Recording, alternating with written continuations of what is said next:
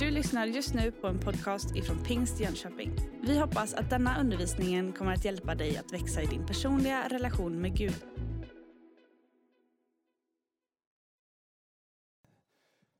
Hörrni, vi ska läsa från Kolosserbrevet kapitel 2. Ett ganska långt bibelsammanhang, men med kraftfulla versar som jag hoppas inte bara ska gå in i dina öron, utan att de ska liksom få tränga rakt in, djupt in i ditt och mitt hjärta.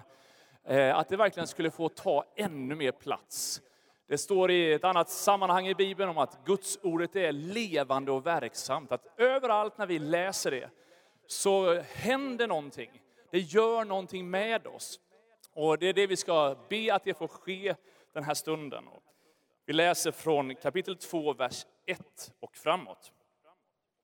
Jag vill att ni ska veta vilken kamp jag har för er och för dem i Laodicea och för alla som inte har träffat mig personligen. Jag kämpar för att de ska bli styrkta i sina hjärtan och förenade i kärlek och nå fram till hela den rika och fullt övertygade förståelse som ger rätt insikt i Guds hemlighet, Kristus. I honom är vishetens och kunskapens alla skatter gömda. Detta säger jag för att ingen ska bedra er med övertalningsknep. För även om jag inte är hos er kropps, kroppsligen, så är jag hos er i anden och glädjer mig när jag ser er ordning och fasthet i tron på Kristus. Liksom ni tog emot Kristus Jesus som Herren, så lev i honom, rotade och uppbyggda i honom och grundade i tron i enlighet med den undervisning ni har fått. Och låt er tacksamhet flöda över. Se till att ingen fångar er med den tomma och förrädiska filosofi som bygger på mänskliga traditioner och världsliga makter och inte på Kristus.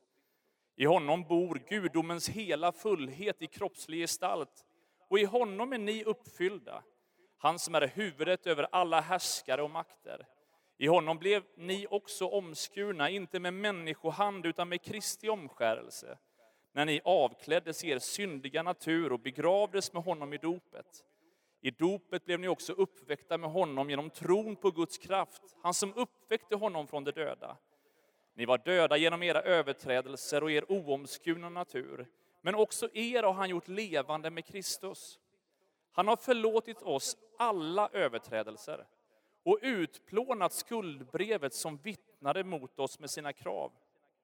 Det tog han bort genom att spika fast det på korset.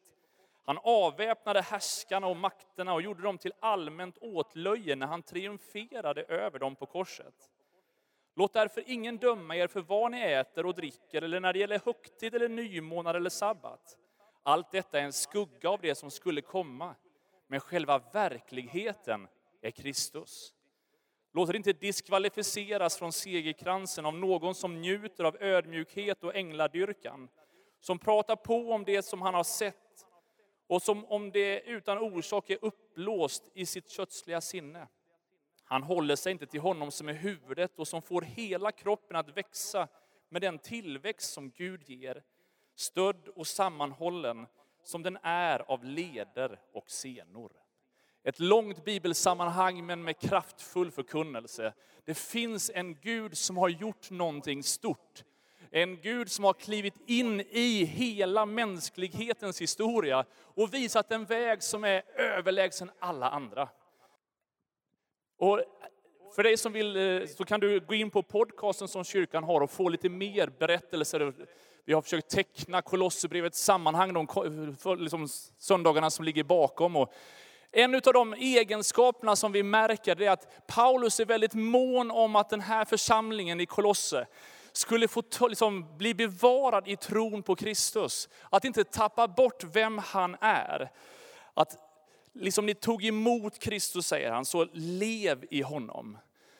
Hela den där starten är ju en otrolig proklamation utav att du kan inte liksom krampaktigt förtjäna eller kämpa dig till honom, utan det är en Guds gåva till oss. Det är det som är så härligt i den här sången vi alldeles nyss liksom lyssnade till och fick sjunga med i. Det är att det är nåden som räcker. Det är inte jag med mitt livs liksom alla goda gärningar så att någonstans får försöka nå fram till Gud, utan jag i hans nåd får jag bara ta emot det. Den största gåvan är mig given. Och så utmanar Paulus att lev då i honom. Så förstärker han det med att liksom hur viktigt det är att vara rotad, grundad, helt liksom hålla sig till den undervisning de har fått. Och faktum är att redan från Bibelns första bok så märker vi att det finns en djävulsk strategi att försöka få oss människor att tvivla på det som Gud har sagt. Den där ormen i lustgården försöker ringla sig fram till Adam och Eva. Och hela liksom budskapet som han har är, var det verkligen så som Gud menade? Är det inte egentligen så här det som skulle det hända om du går din egen väg? Vill du ha ett bibelstudium med dig själv när du kommer hem så kan du läsa Saltarens första psalm, psalm 1 som tydligt deklarerar kraften när vi har vår glädje i Herrens undervisning. När Guds ordet inte bara är ett, liksom ett tillägg som vi använder lite grann då och då i våra liv, utan när den här bokens vägledning får prägla våra liv, så säger psalm 1 att allt som du då gör ska lyckas väl. Det finns en enorm välsignelse när Guds ordet får ta plats i våra liv. Och det är därför som det gång på gång verkar vara en utmaning, en kamp kring att låta just ordet få vara det som den ska vara. Och Paulus han säger att se till så att den här undervisningen som ni har fått, att den blir stadigt rotad och grundad. Jag har ingen aning, vi ska inte ha någon handuppräckning hur ofta du läser din bibel, men jag skulle bara vilja uppmuntra dig Låt Guds ordet varje dag få prägla dig, fånga dig, hjälpa dig, stötta dig, vägleda dig. Så att den där livskompassen som du och jag behöver här på insidan, ja, att den hålls rätt och inte hamnar ur kurs. Paulus han adresserar en hel del villoläror som försöker smyga sig in i den tidiga kyrkan. Och den där kampen blir väldigt påtaglig i hans liv. Han talar i väldigt mycket sådana termer om att det är en kamp. Jag har kämpat, jag har liksom fått på olika sätt stå i gapet för dig. Och jag vet inte ifall Paulus hade sina boxningshandskar på sig, men någonstans så var det präglat av att det här är inte alltid enkelt, utan det kommer hela tiden finnas en frestelse att någonstans falla tillbaka. Jag vill att ni ska veta vilken kamp jag har för er. Att vara medveten om att det här är inte alltid enkelt, det är inte alltid självklart. I vers 4 så läste vi för att, att vi skulle hålla fast vid det här, för att ingen ska bedra er med massa övertalningsknep. Det vore ju skönt fall allt det där som på något sätt är fel, blev väldigt tydligt fel. Jag har någon form av lokalsinne, eh, mer eller mindre rätt i kroppen. Så att jag kan ibland ganska enkelt orientera mig när jag känner att nej, men det här är helt fel håll. Men eh, när jag åker runt i bymarken, man ska på något hembesök eller hälsa på hos någon, så bara inser jag att det spelar ingen roll hur rätt lokalsinne jag har på något sätt i något slags grundfundament. Jag kommer ändå inte riktigt rätt, för det verkar vara så många vägar som är snarlikt nära varann. Jag vet inte hur många gånger man kan köra fel i samma område. Och det kanske aldrig du har hänt, har hänt dig, men det har hänt mig. För att det där som är nästan rätt är så svårt att någonstans avgöra. Det, det är ju åt rätt håll, men ändå inte. Och Paulus han varnar för att det finns en lära som smyger sig in. Det finns massa övertalningsknep som låter rätt. Det låter så gott, det låter så fint, det låter så vackert. Men vi behöver vara på vår vakt. Ibland så är det lätt att man söker efter ett evangelium som passar mig. Jag vill på något sätt hitta bekräftelser för det som jag tycker är rätt och riktigt och någonstans försöka liksom anpassa evangeliet efter mig. Istället för att låta evangeliet få vara det det är och låta mitt liv få formas utav det. Han fortsätter i vers 8 och säger att se till så att ingen fångar er med den tomma och förrädiska filosofi som bygger på mänskliga traditioner och världsliga makter och inte på Kristus. Det var som att han ville verkligen tydliggöra att ni behöver se till Vaka över, liksom, var beredda på att det, det kommer vara någonting. Var inte naiva, var inte blåögda, utan det liv som ni kommer leva kommer utsättas för en del olika saker. Och så nämner han några olika filosofier som på lite olika sätt kan äta sig in och försöka flytta fokus från det som är Kristus till någonting annat. Det finns en bibelöversättning som är en parafras, någon slags lite friare variant av översättning. The message som säger så här från den här versen. Det behövs varken teleskop, mikroskop eller horoskop för att se Kristus. Det behövs liksom inte några andra saker för att någonstans se upp till honom och förstå vem han är. Att sätta blicken på korset och det han har gjort, det behövs inte liksom, för liksom, några tillägg, behövs inte på något annat sätt.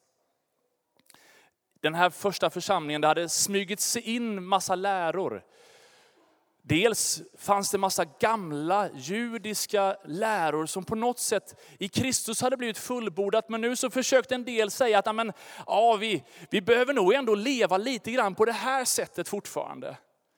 Och på olika sätt ta tillvara på gamla seder och bruk. Men man hade också någon slags smugit sig in en bild av att Kristus, han är så majestätiskt långt bort han är så stor så att vi kan inte själva närma oss honom, utan vi behöver ha någon slags medlare som på något sätt får gå våra ärenden. Så att därför börjar man tillbe änglar eller andra saker för att någonstans, ja, Jesus han är lite för helig. Regelbundet i vårt land 2018 är det människor som bär på en längtan efter Gud men som tänker att Gud är otillgänglig. Så man köper amuletter, stenar, man gör alla möjliga olika saker för att någonstans hitta någon form av medlare till det gudomliga. Men evangeliets utmaning är glasklar. Du behöver inte några andra sådana medlingssaker. Det kommer bara föra dig vilse. Du har vad du behöver i Kristus. Och du har all möjlighet att närma dig honom precis så som du är och så som han är. Behövs ingenting däremellan. Du kan själv få närma dig Gud. Kom Andreas, får jag bara låna dig lite. Det hade ju varit ganska enkelt att eh, avslöja fiendens fällor. Om, eh, om alltid de där banden på något sätt var lika tjocka som det här. Och är det så att du lyssnar via radio nu eller via nätet så får du problem att se den här kraftfulla illustrationen. Bara en anledning till att vara i kyrkan nästa gång. Men eh, eh om du håller fram dina armar.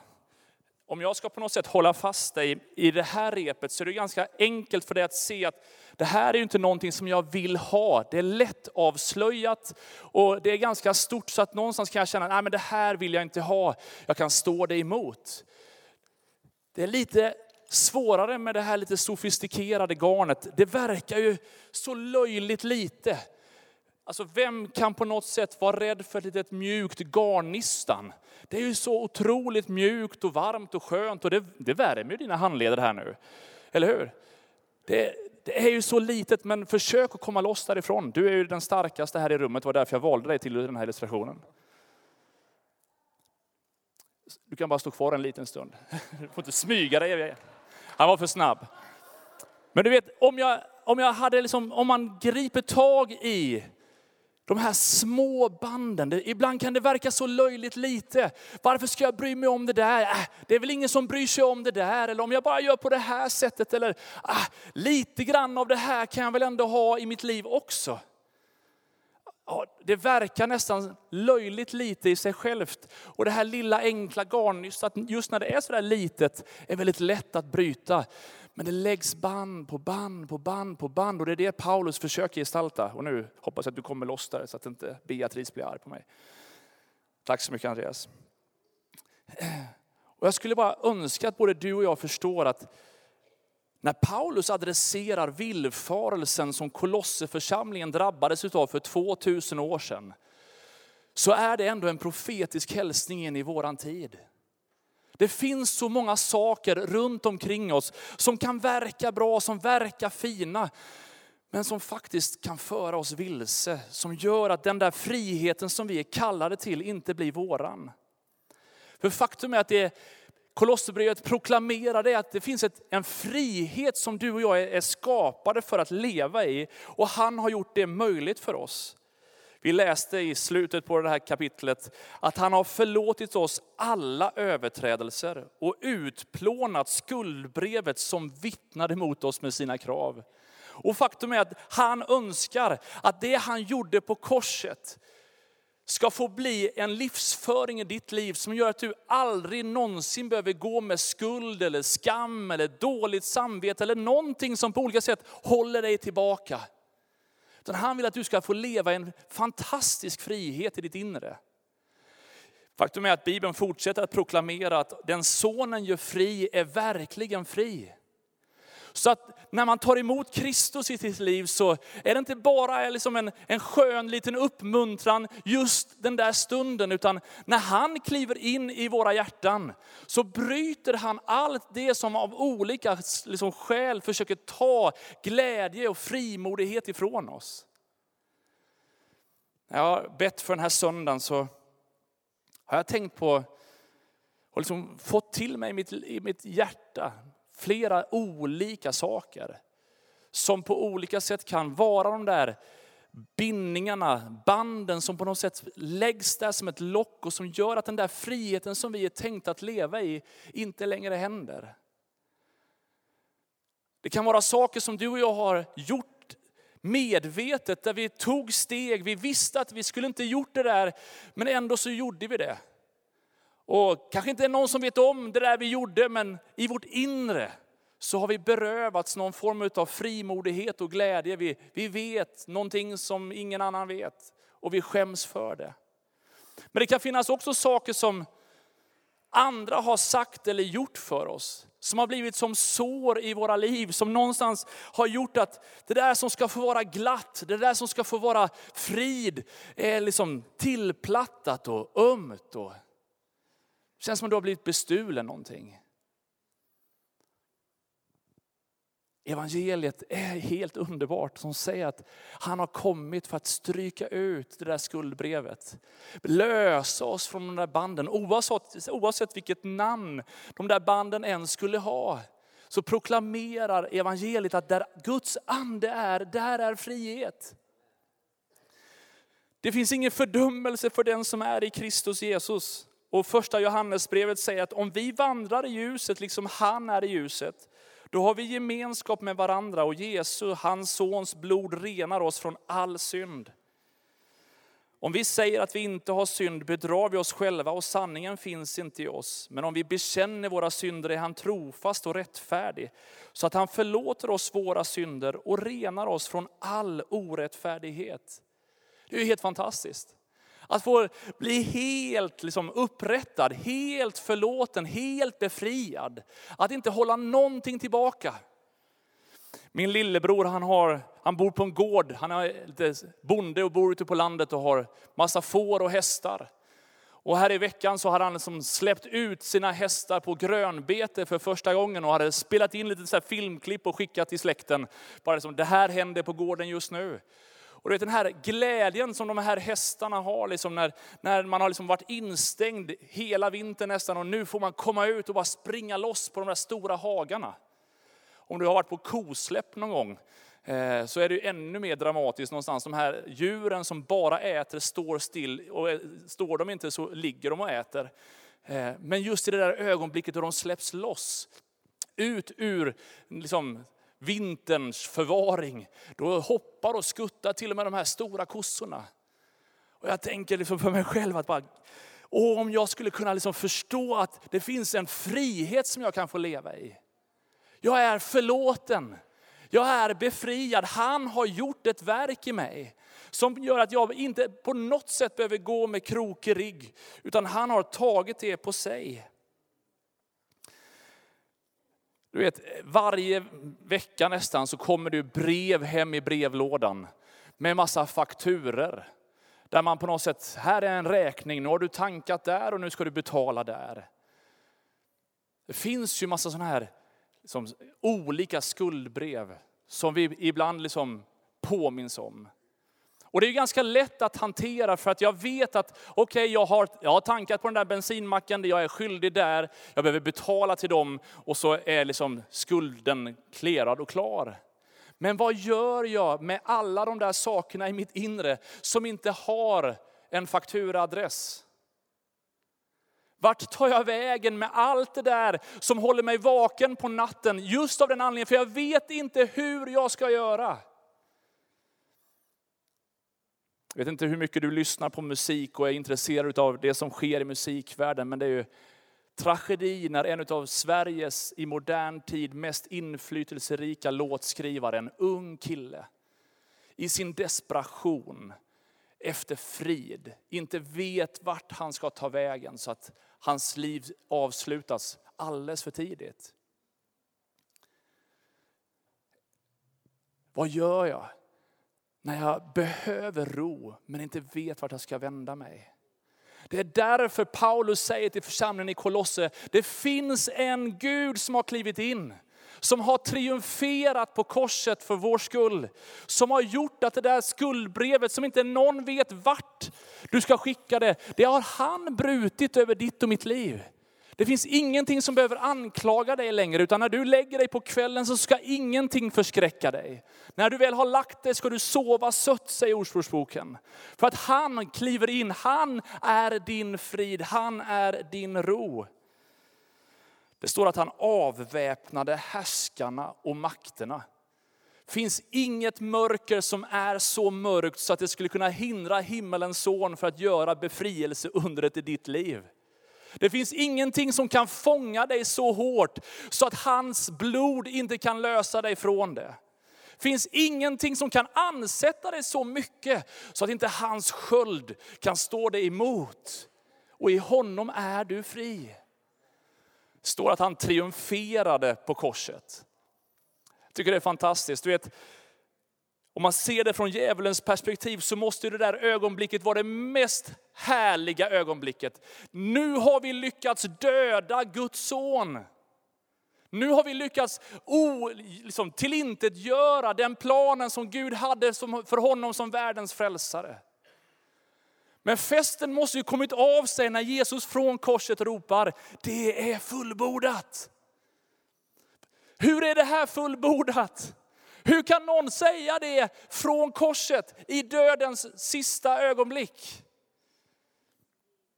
Sen när klipporna rämnar och förhänget brister, så kan vi bara ana vad som händer när himmelens son segraren från Golgata, avväpnar mörkret. Det här triumferade på korset och på något sätt avklädde allt det där ondskan. Det är en metafor utifrån hur romarna ofta gjorde när de hade firat sin seger. Då gick liksom befälhavaren där i ett stort triumftåg med massor med fanfarer.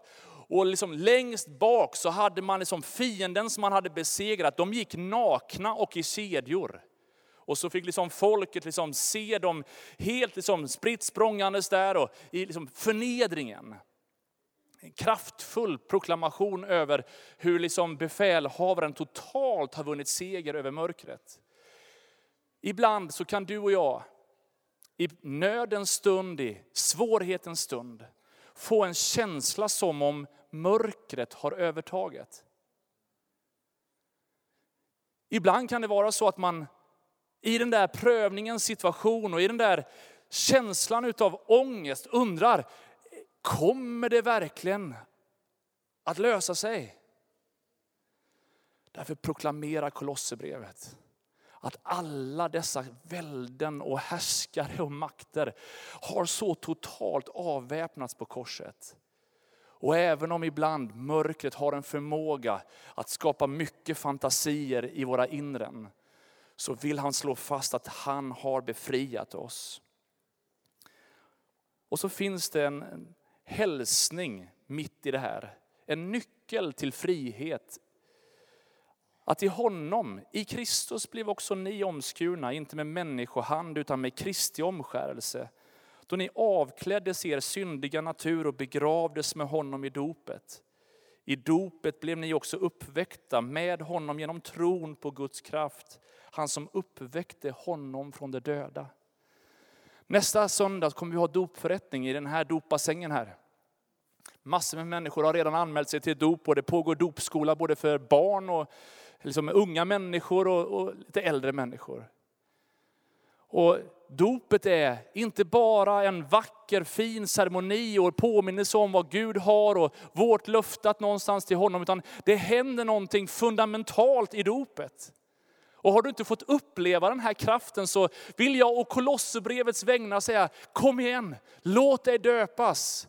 För den här bassängen handlar inte om att bli befriad från smuts på utsidan, utan du kan få avklä allt det där som på olika sätt vill hålla dig tillbaka. Du kan få dö bort bokstavligen från det och när du kliver upp ur bassängen uppstå i Kristi uppståndelsekraft.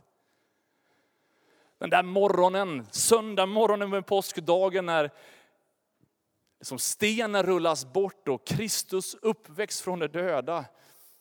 Det måste ju varit en enorm liksom, både andlig kraft och fysisk kraft att liksom göra allt det där möjligt. Och så säger Kolosserbrevet att den kraften, den uppståndelsen blir du en del utav. Du lever inte längre för dig själv, utan i dopet så begravs jag och får uppstå i honom. Så det som förut var liksom en, en lätt måltavla för att Marcus Adenfors är bristfällig, nej, men nu är jag inte liksom längre i mig själv, utan nu är jag i Kristus. Och allt utav beskydd och styrka och välsignelse och frid och kraft finns tillgängligt i mig genom honom. Första Petrusbrevet säger så här att den här förebilden utav uttåget ur Egypten när de gick genom Röda havet, så kommer också att dopet frälser också er. Det innebär inte att kroppen renas från smuts, utan är ett rent samvetes bekännelse till Gud. Ibland så klantar vi till det i våra liv. Ibland så lyckas vi inte riktigt med allt det vi har tänkt och vi sårar kanske andra människor. Min erfarenhet är att det kan vara svårt att förlåta, liksom, eller be om förlåtelse eller förlåta andra människor, men det svåraste att förlåta är ofta sig själv. Och det där samvetet som någonstans kanske ändå har fått förlåtelse, men ändå så gnager det här på insidan. Kolosserbrevet slår fast, du kan få bli helt ren i ditt samvete. Du kan få leva det där nya härliga livet som Romarbrevet gestaltar. Frihet från krav, frihet från prestation. Det är inte tron som bär, liksom, det är inte du som ska bära tron, utan det är tron som bär dig. Jag vet inte hur ditt liv ser ut, jag vet inte vad du just nu går igenom, men jag skulle önska att du läser Kolosserbrevet 2 många gånger veckan som ligger framför. För jag är övertygad om att vi lever i en tid där väldigt mycket försöker smyga sig in. Och att någonstans utmana oss till att liksom, är Kristus verkligen nog? Räcker det med Kristus eller behöver vi inte lite andra saker också? Eller? Är det verkligen så att det, man kan ha en direkt kontakt med Gud eller ska man inte på något sätt söka Gud lite grann i detta? Kan man liksom inte bara säkra upp med lite sådana här saker också. Nej, det kommer föra dig vilse. När inte Kristus är Herren, den enda, den som du har som din främsta, liksom, ja, då kommer väldigt många saker ur kurs i ditt liv. Du har just lyssnat på en podcast ifrån Pingst Jönköping. För att få reda på mer om vilka vi är och vad som händer i vår kyrka så kan du gå in på pingstjonkoping.se eller följa oss på sociala medier via pingstjkpg.